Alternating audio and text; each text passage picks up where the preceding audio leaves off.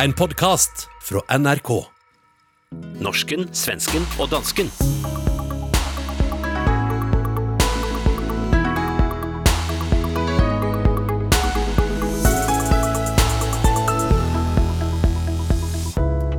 I Sverige får statsepidemiolog Anders Tegnells ansikt mørkere drag dag for dag. I Danmark har opslutningen om Mette Fredriksen nådd nordkoreanske højder. Mens i Norge har eh, svenskevitsen fått ny renaissance på sociale medier. Og innerst inne drømmer vi ikke alle om at gå på fest. Velkommen til internordisk gruppeterapi med ærlige ord om de mer eller mindre funktionelle nationalfamilier der hjemme. Med oss fra Sverige, Åsa Linderborg. Hej. Hej. I Danmark, Hassan Preisler. Hvordan går det i København, Hassan? Jeg, jeg sover virkelig dårligt for tiden, fordi jeg synes, jeg har alle mulige symptomer på alt muligt. Uh, mm. Og jeg undrer selvfølgelig, om det er, uh, jeg overvejer, om det har noget med isolationen at gøre, eller om det er uh, noget reelt, om jeg har fået uh, sygdommen ved at gå over i supermarkedet og købe toiletpapir. Vi, vi er vilde med toiletpapir her i Danmark. Det ved jeg ikke, Men der er jo, der er jo fullt, der er jo fullt av toiletpapir overalt, for det læser jeg i Norge også, og så går jeg på butikken, og det ligger jo stabler. Ja, men man ved aldrig, hvornår der ikke er mere toiletpapir. Og så er, du, er det din bekymring. Du er fremdeles i Varberg. Vi har väldigt mycket toalettpapper i Sverige överallt. Men min, eh, min mamma, min mor, hon sa, tyckte jag, en ganska morsom sak här om dagen. Hon sa att förr i världen, om man inte hade toalettpapper, då kunde man ju torka sig med tidningspapper. Eh, idag har vi inga papperstidningar och man kan inte torka sig i arslet med en iPhone. Eh, Det er, det er i alle fall ingen, ingen anbefaling. Men h- hvordan går det, går, går det med dig? Jag känner mig eh, ledsen. Ja, ja. Oroad. Eh, och det är samma oro som jag känt alla de här tre veckorna. Den är ju starkare nu än förut. Tror du at det spiller ind, at du er historiker i denne tiden? Ja, kanske lite faktiskt. Eh, som historiker så lär man sig ju att, att tänka i, i makroperspektiv och i stora rörelser, i stora strukturer, helheter.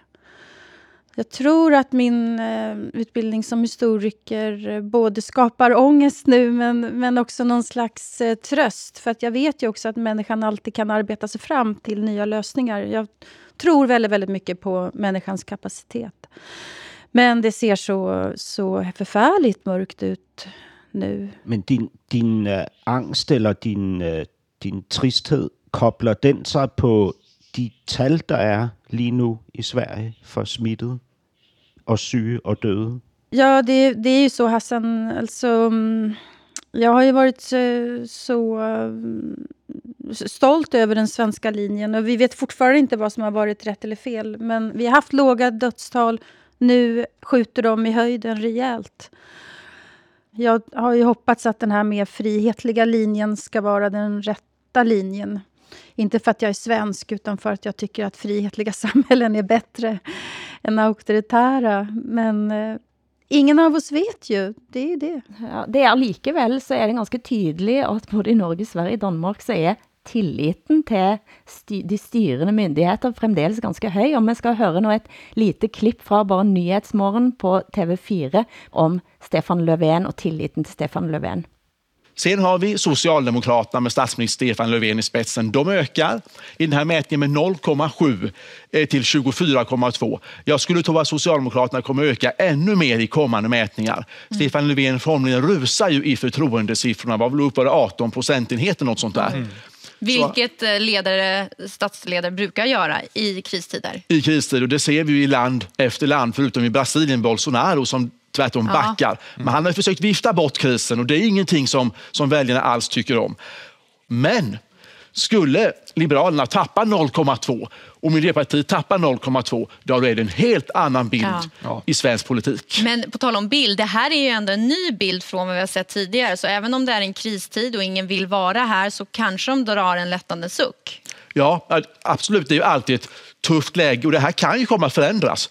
Skulle dödstalen i Sverige öka dramatiskt, skulle vi komma ut sämre än till exempel Danmark, Norge, Finland och våra grannländer så kan ju det här bli en tuffare debatt och om då oppositionen skulle gå till attack då kan det bli dramatiskt läge även i svensk inrikespolitik. Mm. Och störst förlorare alltså Sverigedemokraterna? Ja, det är Sverigedemokraterna som har backat ganska ordentligt här i, eh, under de här dagarna. Vi får se, det blir intressant att följa när de nya mätningarna kommer här om några dagar bara. Det intressanta, det intressanta är ju att för innan, precis innan corona bröt ut så var det väldigt stora krav på att Stefan Löfven skulle gå av. Han pratades, man pratade om honom som en föredetting, att han var eh, eh in, inte hade några egenskaper att leda det här landet. Och sen så kliver han fram på det här viset. Så det kan man ju säga är en, en fågel Fenix faktiskt. Men allikevel så klyver han fram och faktiskt eh, träcker sig tillbaka. Sett utenfra så ser det ju sån ut att han kliver fram med att ställa sig bak statsepidemiologen och faktiskt inte egentligen tar någon styrning överhuvudtaget. Ja, men det är ju det här som vi har pratat om i, i alla veckor här i den här podden, att eh, i Sverige så har vi ju myndigheterna ett väldigt stort eh, ansvar och vi har förtroende för dem. Mm. Men det är ju frågan nu om den svenska linjen är den rätta och man märker att regeringen också börjar eh, ta mer initiativ än tidigare. Så att det nästan snart det enda som skiljer Sverige från andra länder, det är att skolorna fortfarande är öppna och att vi, har, vi tillåter folkmängder på 50 personer. Nej, alltså på, i Norge så har eh, Erna Solberg, statsminister Erna Solberg, fått högre altså, tillit fra befolkningen, og hvordan ser det ut i, hvordan ser det ut i Danmark, Hassan? Jamen altså, det ser sådan ud, at uh, Mette Frederiksen vel er den mest populære statsminister uh, uh, nogensinde, eller i hvert fald i rigtig, rigtig mange år. Altså, hun nyder ekstremt stor tillid i den brede befolkning, og tilslutningen til både hende og Socialdemokratiet er steget ret markant i løbet af denne her krise. I mars havde Mette Frederiksen 96 procents opslutning det er hele 70% som mener at Mette Frederiksen nå gør en meget god jobb. Overvejende god 26% 96% Det er nordkoreanske siffror i, i, i Danmark. Ja, og på en måde, nu er det jo internordisk terapigruppe her, hvor vi kan fortælle om vores dysfunktionelle familier, ikke? Og jeg ser altså øh, netop det her som et udtryk for en, håber jeg, periodisk dysfunktionalitet fordi folk er simpelthen holdt op med at tænke selv. Altså, det er ikke tilladt at gå op imod øh, regeringen og regeringens myndigheder. Og det, der faktisk sker i Danmark nu, den seneste udvikling, er, at regeringen nu vender de toneangivende myndigheder ryggen. Og det handler jo om, at der også at vi nu også opdager, at der er ting, som ikke har været så gode i forløbet.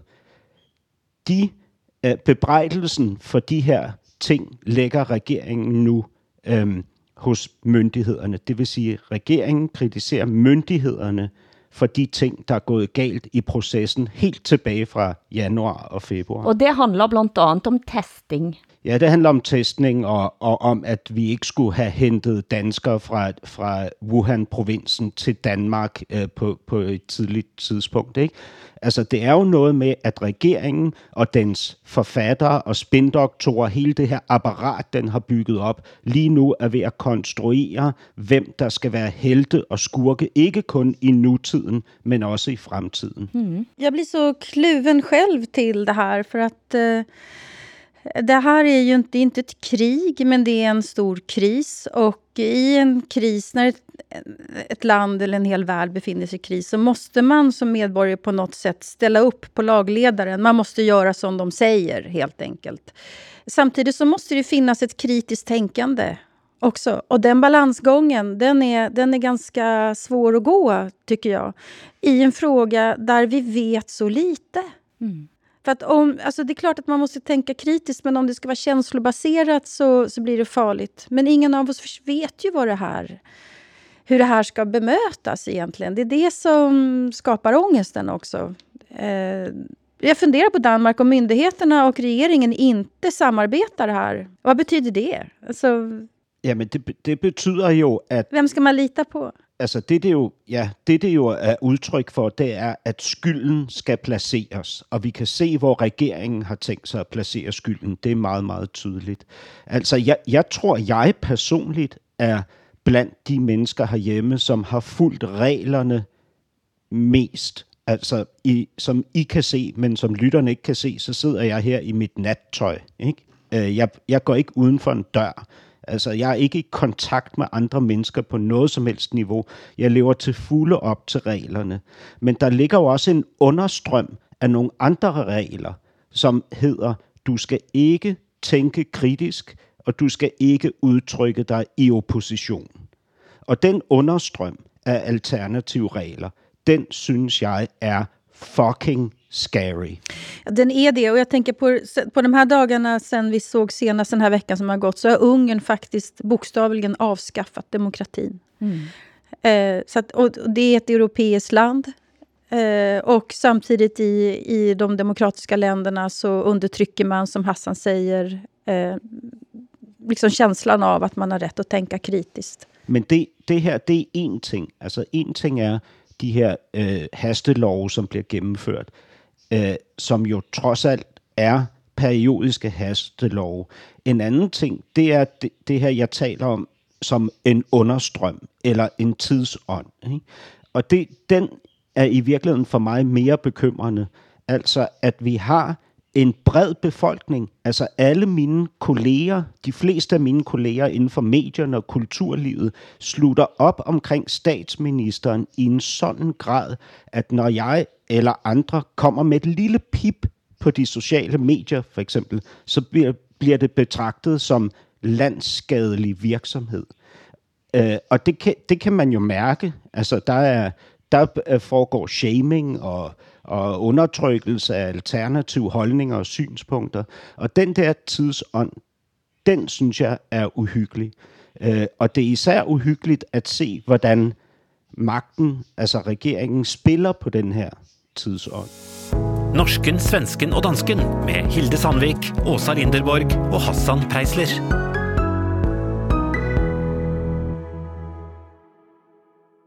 Modsætning til 9-11, som sker brått, så er dette en snikende krise, og vi er inde i en tredje uke nå med nedstegging av samfundet. Men hvad var det som gjorde, at vi forstod alvor, og når skedde det? Hør her regissør og skuespiller Felix Herngren, kendt fra Solsidon, med Hvor var du? øjeblikket sitt. Her er han gæst i Sigge Eklunds coronapodcast Lege. Vi var ju, vi hade ju precis kommit ner till Venedig då, faktiskt med det här DN-tåget.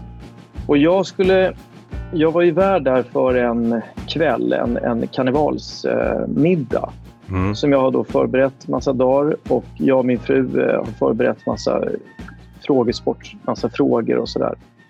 Och det är ju karnevalsmiddag så jag, jag har dragit på mig en sån här eh, eh, mask som dåtidens pestläkare hade på sig. Men det var så, de hade som så här fågel... Fy fan vad skruvat. Så här fågelnäbbar liksom. Ja, som i Ice Wide Shut. Ja, men precis. Och de, alla i salen hade ju de här maskerna på sig, för det var ju det här temat. Men jag var den enda som hade då den här pestläkarmasken på sig. Och det, det, men mitt under den här middagen då så började det hagla in sms då på telefoner och, och eh, det uppdateras på dagstidningar att nu är det liksom i Italien så kommer en spridning av det här. Liksom. Men jag, jag, då står jag på den här middagen som någon slags eh, gycklare och i den här eh, pestmasken och plötsligt knackar de mig på axeln och bara du Felix, vi måste gå ut med, vi måste berätta för folk här nu att det liksom är det, det är ett jobbigt läge, vi ska åka härifrån så fort det bara går. Liksom. Du var lite som George W. Bush, du vet när hans assistent kommer och knackar honom på ryggen och säger typ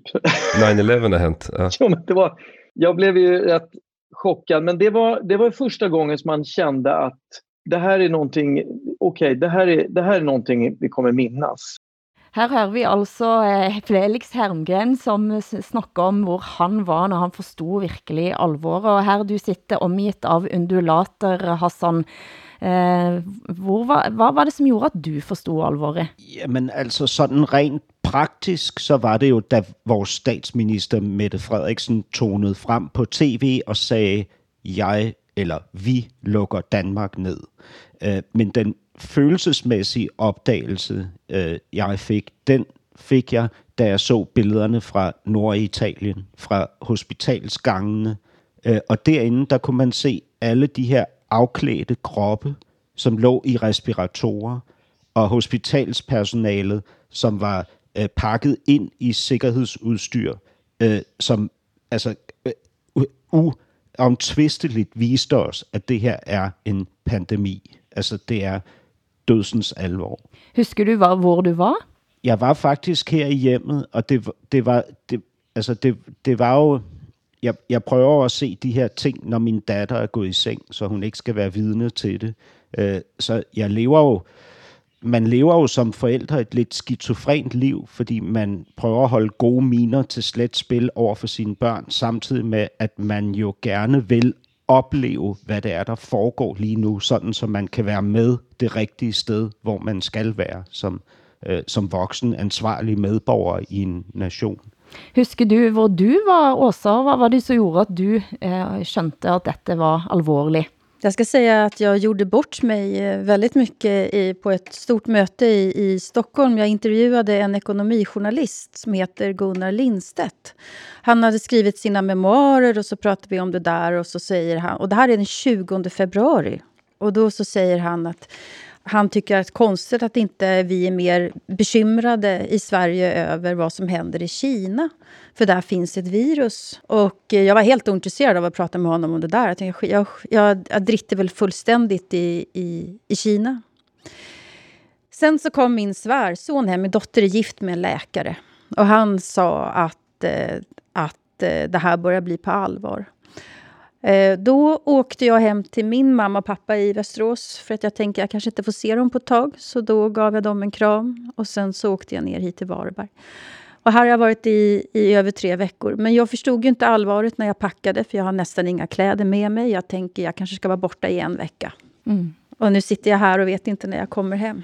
Men dette, dette, dette, dette som vi ofte har i Norge, har en, og eh, beklager at denne sammenligningen blir antageligvis helt uerbødig, men vi, vi har et udtryk, hvor var du var da Brå brak staven, som et, rett og slett eh, er fra eh, VM i 1982, da, og da Brå fik han delt gulv med Sovjet. Unionen på en dramatisk stafett, der han altså da brak staven.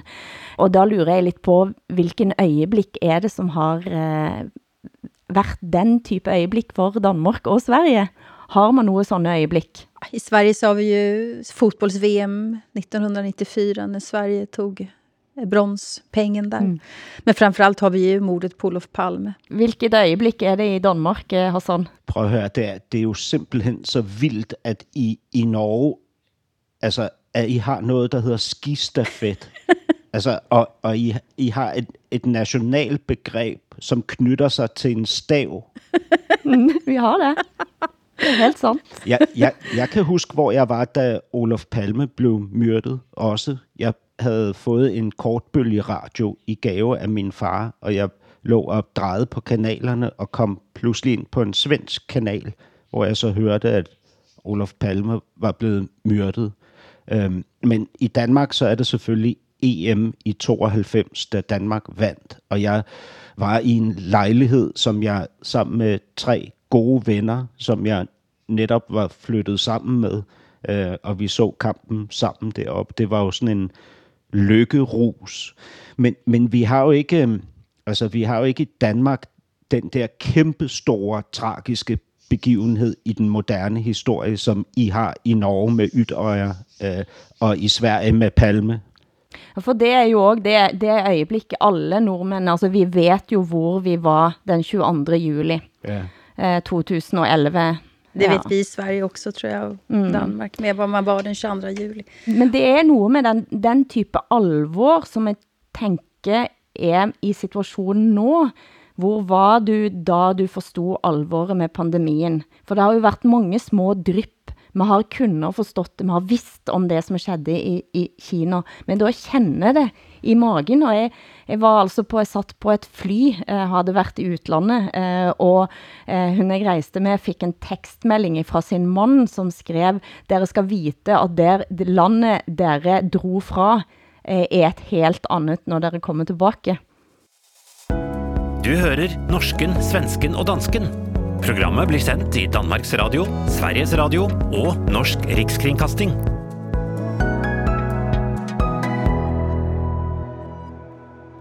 Men det som har været med på at holde os kanskje oppe i de tre sidste ukene, er all den kulturen som overrisler internettet, og koncerter strømmes, og bøger lastes ned, vi ser filmer vi ikke har til nå sett.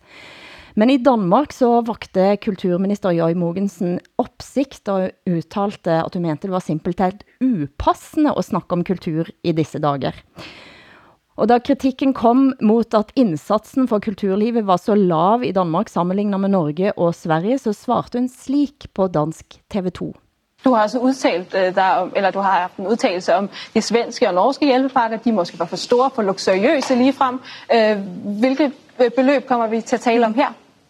Jeg har på intet tidspunkt sagt, at de andre landes øh, hjælpepakker er for store eller for små. Jeg siger bare, at det er rigtig svært at målsætte, altså et tal på kulturens betydning, fordi den også tit spiller ind i rigtig mange andre sektorer. Så derfor synes jeg også, det var vigtigt at få kulturlivet kompenseret på lige fod med resten af samfundet i de generelle hjælpepakker. Hvilken betydning tror du, at, eller synes du, at kulturen har i en krisetid? Jamen, at kulturen er alt det, man faktisk har svært ved at sætte ord på.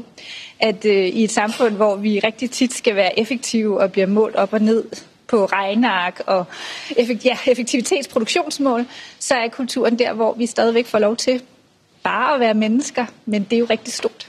Det var Joy Mogensen, som øh, var altså på dansk TV og skulle forsvare da den manglende indsatsen for kulturlivet i, eh, i eh, Danmark. Men så kom løsningen, Hassan Preisler, for hun pekte mot Norge. Jamen, jamen altså, man skal jo, nu, for, nu forsvarer Joy Mogensen, vores kulturminister, sig jo fint i det her lille klip, I spiller, men det, det var jo faktisk øh, super alvorligt. Altså, det var så alvorligt, at de andre kulturordfører, altså fra den yderste venstrefløj til den yderste højrefløj, krævede et samråd med kulturministeren. Og til det møde, de så fik, opstod der så store uenigheder, at alle kulturordførende besluttede sig for at rejse sig op og gå fra kulturministeren, og siden forlange, at forhandlingerne blev flyttet fra hendes bord og over til nogen, som havde en reel interesse og magt til at gøre noget ved det her styrtblødende kulturliv. Øhm, det, der jo er sket efterfølgende, det er jo, at Joy Mogensen har været i en shitstorm, som har været mere massiv, end hun og statsministeren havde forventet, og derfor så har man jo øh, nu oprettet en eller anden form for kompensation til kulturbranchen også. Altså, det Men det var, ikke... det var blandt andet, det var der, der jeg tænkte, tænkte denne lille norske linken kom, for hun begyndte at snakke om et ord, som vi har i Norge, som vi mente, at dere burde begynde at bruge mer i Danmark, og hvilke ord var det? Ja, det var ordet dugnad, øh, som, øh, dugnad, som, hvad er det, det betyder, Hilde? Hvad, hvad mener du, det betyder? Jeg er interesseret i at høre dig forklare det. Jamen det er fordi dugnad, det er også øh, her i Danmark, der er det ordet for et øh, behandlingscenter for narkomaner øh, på Vesterbro. Øh, så så jeg, jeg bliver ved med at huske eller glemme, hvad det, hvad det reelt betyder, men det er noget med fællesskabsfølelse, ikke? Sammenhørighed. Er det ikke? At vi jobber sammen, vi gør det på dugnad, betyder yeah. at alle trør til uh, uden kompensation. Ja. Yeah. ja, okay. Att man arbetar ideellt, är det det det betyder eller? Ja, eller at vi gør, altså at vi, hvis du bor i en opgang med flere lejligheter, så møtes vi til dugnad hver vår ah, ja. for at vaske ned og grave i hagen og gøre alt på fælle, i fællesskap. Det er dugnad. Det har vi i Sverige också. Har ni inte det i Danmark? Uh, det ord har vi ikke, nej. Nej, men har ni, gör ni saker tillsammans i Danmark eller dricker ni bara öl og tycker att ni är dejliga? Och, øh, vad håller kan, ni på med? Nej, man kan også drikke øl sammen. Men det er ikke dugnad. Jamen, jamen altså, nej, men vi har jo uh, et nyt ord, eller det er jo et gammelt ord, men et ord, der har fået en, en uh, revival, som vores statsminister har introduceret, som er ordet samfundssind. og det er jo et fællesskabsord. Altså, øh, det er ikke et ord, der knytter sig til små fællesskaber. Det er det store øh, fællesskab. Jeg vil altså ud over dugnad, så mente hun jo også, at vi burde blive bedre til at studere Maslows behovspyramide. Øh, vi kunstnere, øh, som kritiserede hende for at, øh, at øh, vende kunsten ryggen. Og så sagde hun, man kan ikke dyrke kunst, når man øh, øh, sulter og er bange. Men du mener jo her, at dette er ikke bare Joy Mogensens øh, mm, lidt klønete, klumsete vej ind i eh, eh, politikken, men at dette er faktisk en forlænget arm av den soci det socialdemokratiske styre Mette Frederiksen ønsker sig, at hun er sat i den position med et mandat. Jamen, men altså, prøv at høre, det er, jo, det er jo det, altså, og det er det, der er svært i denne her tid, fordi Mette Frederiksen er jo vores øh, almoderlige, øh, hvad hedder det, styrende øh, øh, held, altså hvor, nærmest vores gudinde, som vi, vi nu retter alt det positive fokus imod. Ikke? Øh, og derfor bliver det jo kompliceret ligesom for folk at forbinde det her med, at vi har en kulturminister, som gør så meget forkert og siger så meget upopulært, og en statsminister, som øh, er, er i fuld medvind. Ikke? Men det er jo sådan, at det er vores statsminister, der har fundet og udpeget og motiveret vores kulturminister til at føre den kulturpolitik, hun fører. Og da vores kulturminister gik til forhandlingerne om øh, hjælpepakker på kulturområdet, så var det med et mandat, som hun havde fået eller ikke fået af statsministeren. Altså de penge, og, øh, hun sagde, eller hun kom med, og de ord, hun brugte, var nogen, der kom oppefra. Ikke? Øh, og det for mig, der afspejler det jo, øh, der afspejler det jo den kulturpolitik, altså det kultursyn, der er i regeringen, altså i det socialdemokrati, vi har i dag. Ikke? Øh, og det, det er måske det, jeg har forsøgt at påpege. Dette er, er fra Danmark, som øh, på mange måter har præget eh, udviklingen av kulturen i både Norge, Sverige og og i Danmark selv, altså i, tilbage til slutten av 1800-tallet, så var det de store kulturradikalerne fra Georg Brandes eh, sin tid, som har ut pekt og, og vist en retning eh, i sitt eh, ønske om at styrke eh, retten til individuell utfoldelse og fordomsfrihet og tolerance og, og, og alt det en så på som var indskrænket undertrykkende og fargeløs borgerlig kultur. Altså det har jo på en måte været den danske, en, en slags, slags dansk fane dette. Eh, en dansk paradegren og den her kulturradikalisme har jo haft bølger, altså helt tilbage fra den tid, du nævner, og frem til øh, øh, det tidspunkt, hvor Dansk Folkeparti så overtager den øh, definerende magt herhjemme. Altså kulturradikalismen har bølget op og ned, haft kæmpe store succesperioder øh, efter 2. verdenskrig, op igennem 60'erne, 70'erne, selv ind i 80'erne. Altså, nu snakker du om 70, 80 og... Altså, og... Ja, i 70-tallet, i 60-tallet, 70-tallet og 80-tallet især, ikke? Der er kulturradikalismen kæmpe stor herhjemme, ikke? Og, der, øh, og den sidder på den definerende magt, øh, og på et tidspunkt, og det er faktisk Socialdemokratiet, som ligesom motiverer og understøtter den her bestemte tankegang, som ligger til grund for kulturradikalismen. På et tidspunkt kommer der så et opgør med kulturradikalismen, fordi den er blevet for arrogant og for selvtilstrækkelig. Ja, og apropos arrogance, vi har klart et klip her med den store kulturradikale dikteren Klaus Rifbjerg fra Deadline på DR. Dumheden har stor trives i, i øh, den vestlige bevidsthed for øjeblikket. Og det, øh, det er, nu, nu vil jeg jo nødt sidde og være den dumme her, som ikke øh, spørger, jo ikke dum, spørger indlysende. Hvem er, hvor er den dumhed? Altså, hvordan skal Jamen, den opfatte? Den dumhed er, ligger altså der, at altså, man kan være helt grov og sige, at der er 2.000 begavede mennesker i Danmark, og resten er dumme. Dette var altså Klaus Riffbjerg, en store kulturradikale dikter, eh, som eh, siger, at det findes 2000 begaver mennesker i Danmark, resten er dumme.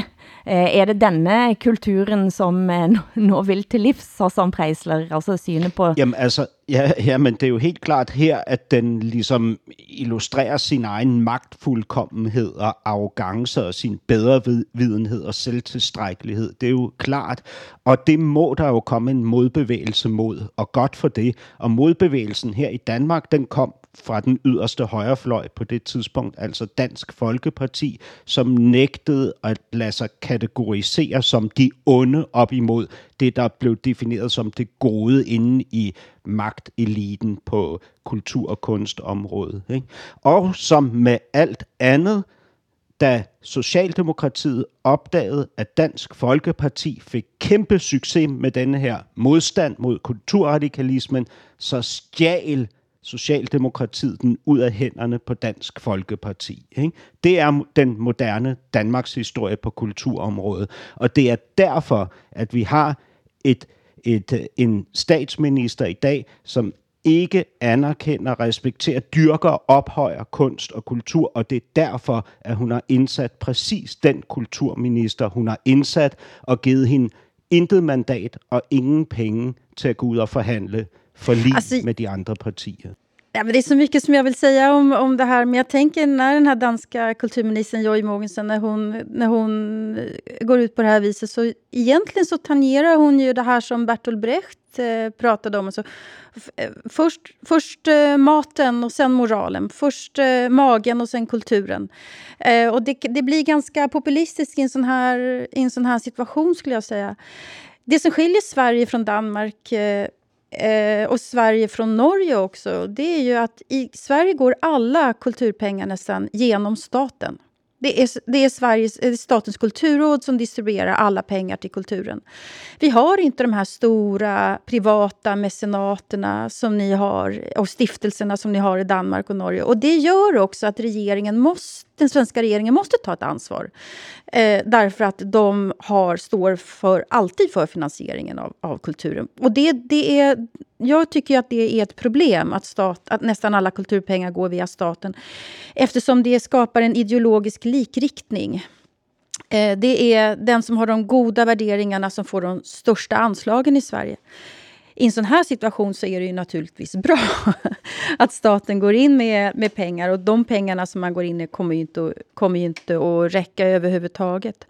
Men vi har också en stark tradition av kulturradikalism i Sverige och den har ju varit hotad länge av Sverigedemokraterna. De ställer mycket tydligt upp en kulturkamp här där de slåss för eh, kulturkonservatismen. Och i Sverige så är den här situationen nu att, att de som sitter och beslutar om kulturanslagen, de de predikar det här mm, eh, mm, eh, normkreativa. Om du ska sätta upp en teaterpjäs till exempel så måste du fylla i en lista. Ja, vi har ett genusperspektiv. Ja, vi har ett mångfaldsperspektiv. Ja, vi är för alla människors lika värde och så vidare. De vill tvinga helt enkelt eh, kulturen åt det hållet. Sen kommer, kommer Sverigedemokraterna och de vill få bort all kultur som de inte förstår. Men om de får makten nu, så, eller sen nästa val, så kommer de ju också ha motsvarande listor. Ja, vi har ett nationellt perspektiv. Ja, vi vördar traditionerna när vi sätter upp den här teaterpjäsen och så vidare. Eh, så att det, den fria konsten och den kulturradikala traditionen i Sverige, den, den dras ju isär eller, eller pressad från två olika håll. Eh, där båda har ett, en uppfostrande idé om vad kulturen ska vara. Det ska inte vara nyfiket, du ska inte undersöka fritt. Utan eh, ska du, ska du hålla på med kultur och ha pengar, då ska du ha ett syfte som, som, är, som eh, handlar om att uppfostra eller stå för någonting gott. Och sen är vår kan vara över, o, eh, inte överens om vad som är gott. Men en kan ju tänka motsatt, eh, som eh, Abid Raja, norsk kulturminister, skrev ett inlägg i Morgenbladet för ett par ukers tid siden, där han sa att han först hade tänkt kanske lite i samma riktning som Joy Mogensen, att nu är inte tiden inne för att komma med, och, och komma med detta. Eh, men det var i det øjeblikket Erna Solberg står og siger på pressekonferencer, at nå er det alvor, at han også forstod kulturens plads og kulturens eh, opposition i dette. Eh, og, med et, og, og skriver også en, en kommentar som har en veldig stor åbenhed i sig eh, rundt hvad det faktisk har at sige for oss som enkeltpersoner, ikke bare som pynt på kaken. Og jeg hører Joy Mogensen snakke, eh, og hun siger at eh, kulturen er det du ikke klarer at forstå, så sitter jeg og tænker på, det høres ut som hun snakker om krem på kaken, eller pynten, eller noget du kan kutte, kutte ut, og hvis du kutter det ut, så betyder det ikke så mye. Eh, men spørgsmålet er om, om det ikke er netop akkurat nå, vi trænger den type tænkning, eh, som kunsten og kulturen nå kan give os. Og, for, og hvor forsvinder det kulturradikale ut da? Man, man kan jo håbe på, at det her bliver en, altså en, en ny bølge af en uh, kunstnerisk proces. Uh, uh, det vil jeg da elske, at vi ligesom kan uh, få etableret uh, et, uh, et kunst- og kulturmiljø i Danmark, som arbejder mere selvstændigt tænkende og sådan noget. Men altså, jeg bliver simpelthen nødt til at sige, når, når, altså, når Joy Mogensen siger, at kunst og kultur er alt dette, vi ikke forstår, ikke? så siger det jo altså noget om Joy Mogensen. Ikke? Øh, og, og, og den der retorik, som både hun og vores statsminister anvender om kunst og kultur, ikke? som noget fællesskabsopbyggende, noget der knytter menneske til menneske, så, så tænker jeg sådan på, om, det, om de ligesom har reduceret det hele til, at kunst og kultur er noget med nogle øh, noget med en andelsbevægelse og nogle forsamlingshuse og nogle klubber, hvor man sam, sammen sidder med et manifest og arbejder hen imod en fællesskabsideologi. Altså, det, det er jo som når første års gymnasieelever skal definere, hvad kunst og kultur er. Ikke? At høre på de her mennesker. Fordi kunst og kultur er jo det mest sublime og sofistikeret, når det er modigt, og når det er i opposition, og når det tør rumstere, når det er villigt til at risikere. Altså, så er det jo alt det, vi indeholder inden i, som vi ikke tør afsøge og finde inde i os selv. Ikke? Det er jo derfor, det er så formidabelt, fordi det åbner porte inde i mennesket til hjørner af mennesket, som det ikke turer opsøge alene. Ikke? Dette er norsken, svensken og dansken.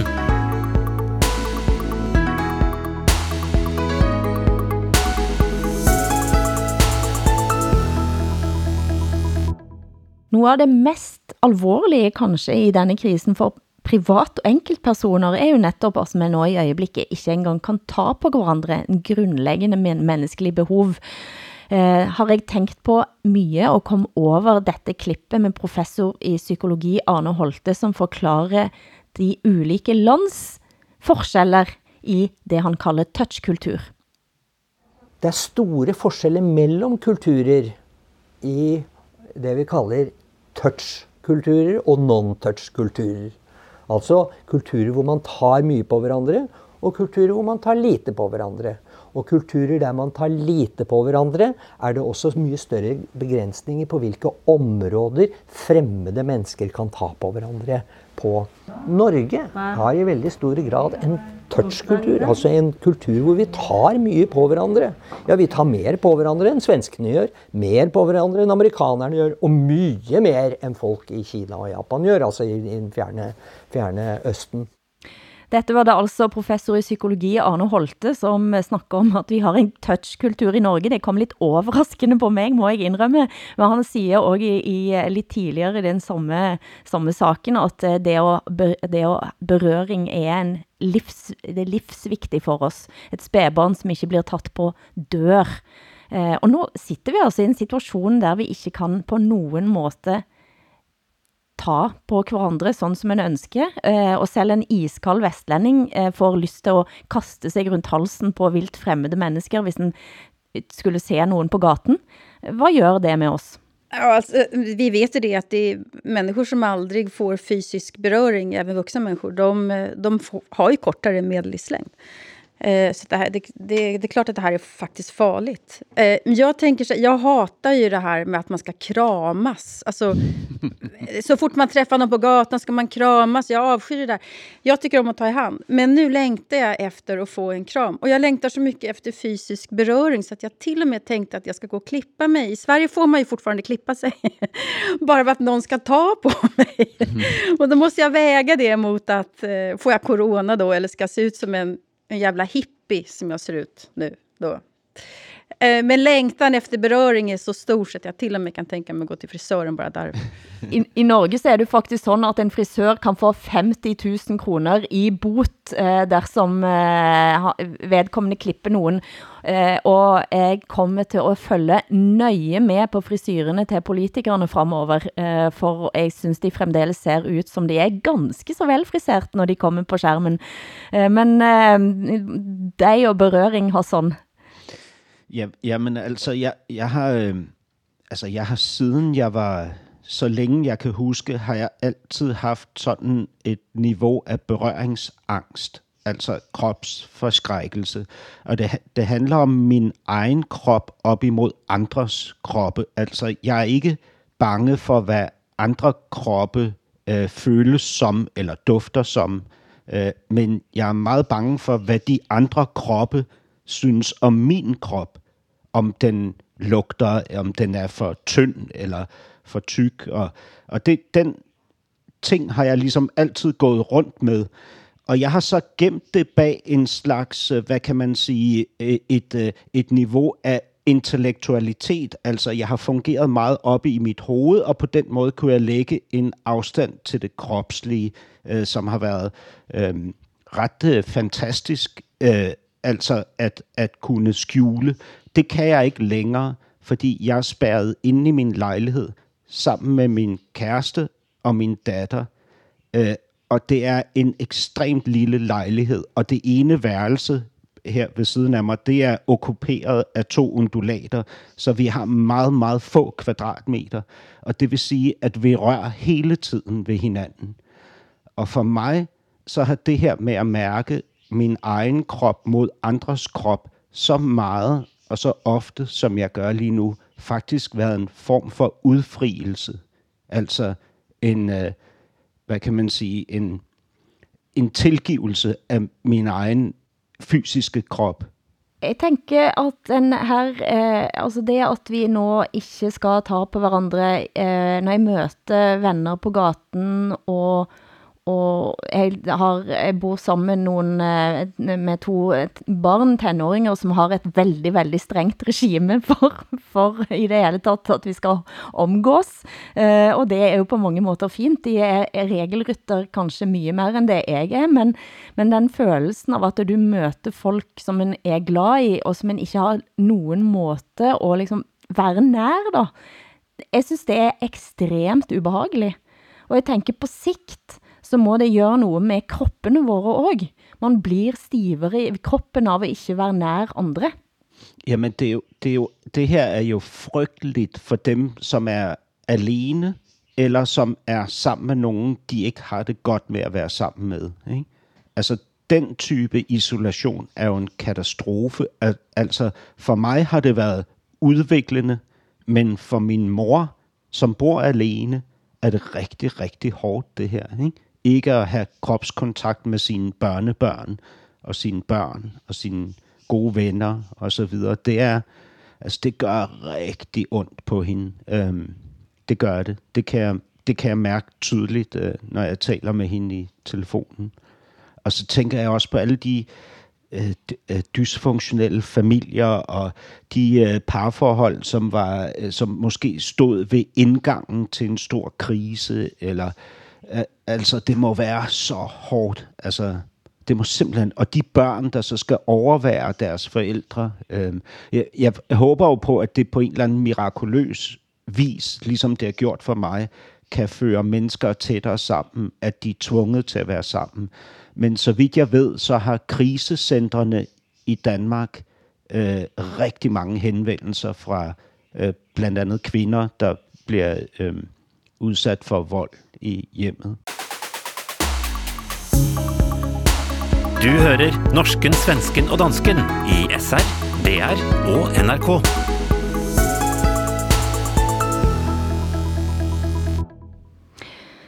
Det er et lite håp her, jeg tenkte vi kunne bruke eh, slutten på programmet til å komme oss ind i et lystigere hjørne, kanskje.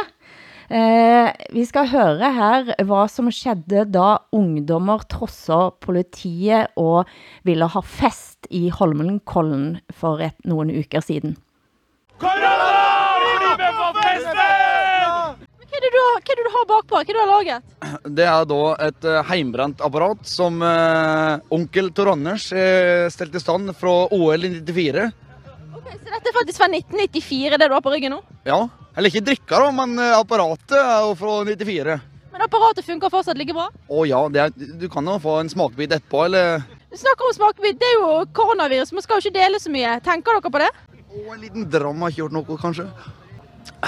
Vi har vel kjørt en liten sånn telling på i hvert fall eh, 1500 pluss minus, som var på et spesielt område. Og der var det en eh, eneste stor eh, fest. Og klart når man møter opp i ankelsokker og tynnkledd og er veldig veldig berusa klokken 10-11 på morgenen, så klart da blir det en, en utfordrende dag for de, og vi litt å gjøre for oss.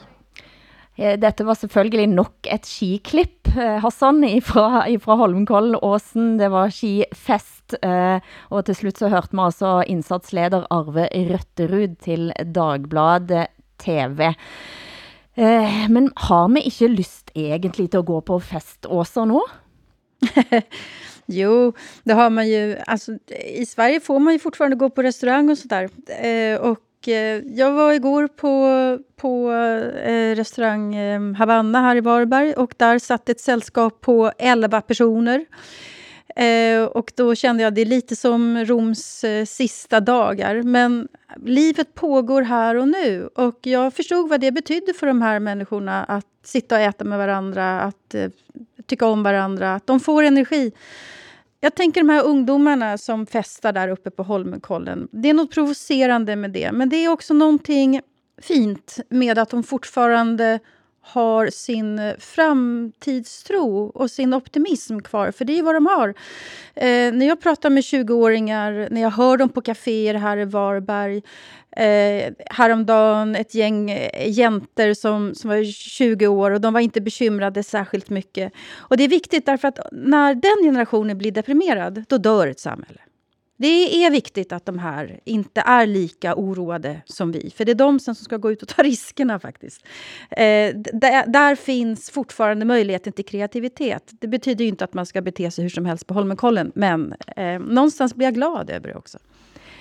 Det er en artikel eh, nå i Aftenposten skrevet av litteraturkritiker Ingunn Økland, som, eh, som viser at eh, ungdommer som fester, det har lange aner, og ikke minst når det er tøft rundt.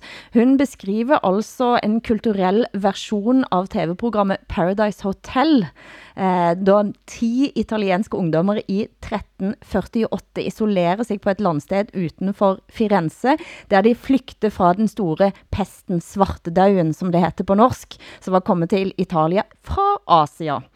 Og der i sin egen lukka verden, der er alle symptomfri, og de danser og synger og spiser lekre retter og drikker nydelig vin.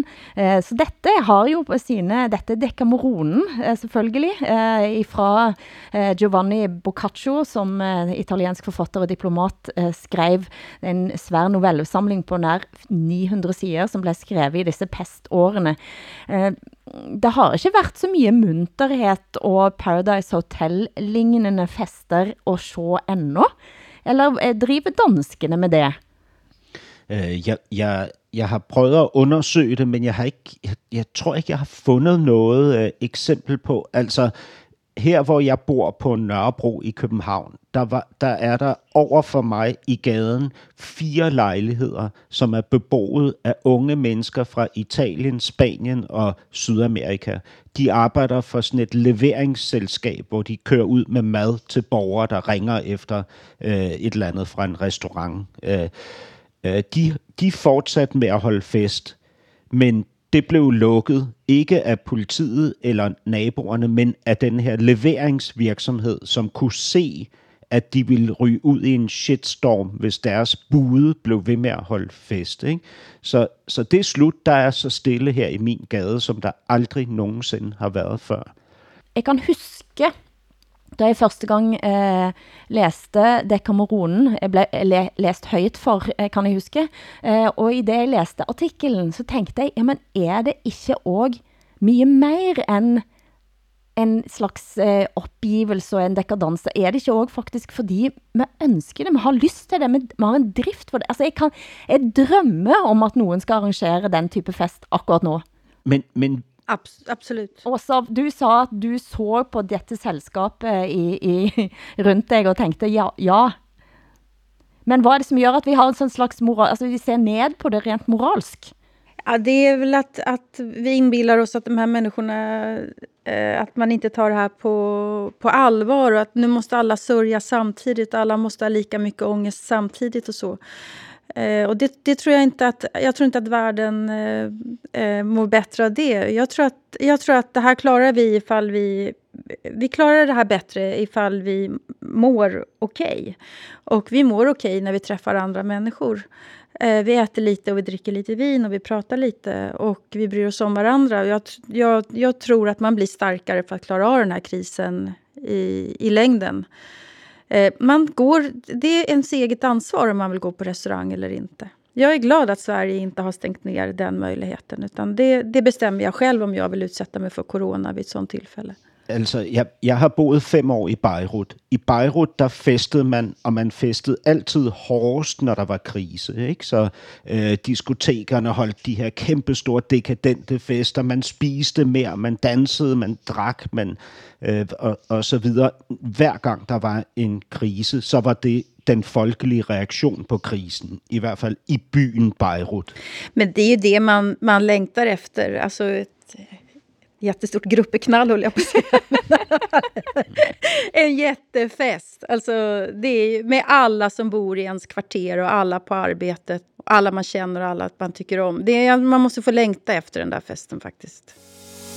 Norsken, svensken och dansken med Hilde Sandvik, Åsa Linderborg och Hassan Preisler. Her er, et klipp, eh, her er et klipp, som jeg hørte forrige helg av en av Norges største podcaster, Harm og Hegseth fra VG, eh, som eh, har sett litt mot svenske influensere. Det, det er liksom den myten om den dumme svensken føler jeg blomstrer på sociale medier nå.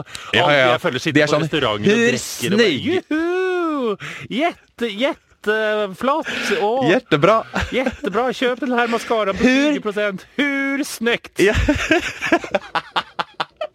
Altså, det er 20% avslag på kjoler til alle i risikogruppen. altså, ni må pynte er! Ni må pynte er når dere er i risikogruppen. Hvordan går det med? Pernilla og Bianca? Pernilla og Bianca de er oppe og nikker. De. Eh, Pernilla, Jeg så en vlogg av Bianca nå hvor hun hadde vært og var så søt. Hun hadde vært og hamstra litt, hun da. Og da midt i den vloggen så måtte hun legge inn en sånn liten sånn eh, tekstplakat hvor det sto at bare sånn Bare så dere vet det, så handla jeg før eh, at man skjønte at man ikke skulle handle så mye. Den er god. Så hun hadde, hun hadde hamstra, rett og slett. Jeg, jeg hører jo den fredagspodden med Hanna og Amanda, og hun Amanda og bare Jeg dro på butiken og kjøpte typ hele butiken. Så kom jeg dagen efter og så hadde jeg bedt min dotter på 12 år om å pakke i fryseren. Så hadde hun lagt alle varorna i kylskapet så alt var ødelagt. Jeg bare Det trenger du ikke si noe. Ja, men det er jo så dumt. Og det er det veldig bra at eh, Oslo kommune får bøy Svenskene er jo eh, lyx og traume. Lyx, lyx, lyx, lyx. Ja, men de er jo det. ett trauma från barndomen så jag måste shoppa 20 kjoler för att uh, slappna av, säger min psykoterapeut. Her er det altså Bianca Ingrosso, Pernilla Wahlgren og Amanda Schulman, som, eh, som de hoverer over. Er det virkelig så ille eh, i Sverige også? Jag älskar när Norge driver med oss i Sverige. Jag älskar det. Eh, väldigt, väldigt kul. Eh, alltså, jag tänker, det är väldigt många yrken som försvinner här, men influensen lever ju farligt som yrkesgrupp och det är underbart, tycker jag. Alltså, det finns olika sorters dekadans. Alltså, en, en sak är att man vill träffas och ta på varandra och, och prata och det är någonting annat att man ska konsumera så mycket som möjligt. Ja, Det, det är det enda som jag tycker är fint med den här coronaskiten. Det är att, att vi kommer få ett, en helt annan syn på vad det är vi faktiskt behöver för vår existens.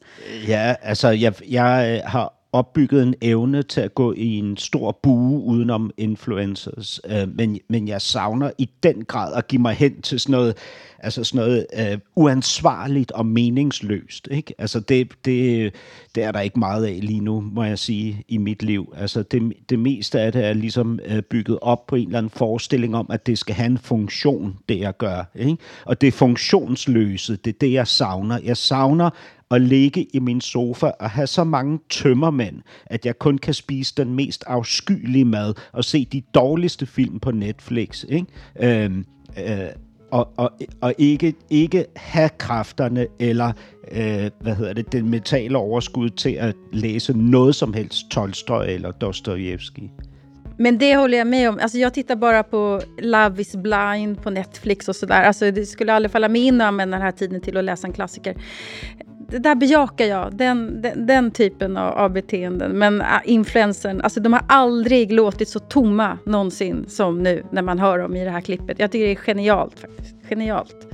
Her i min grønne nye glitterjakke, så kan jeg sige, at dette programmet er den skandinaviske Dekameronen, og nå er nok en episode over av Norsken, Svensken og Dansken. Du hører på Hassan Preisler, eh, Åsa Linderborg og mig, Hilde Sandvik.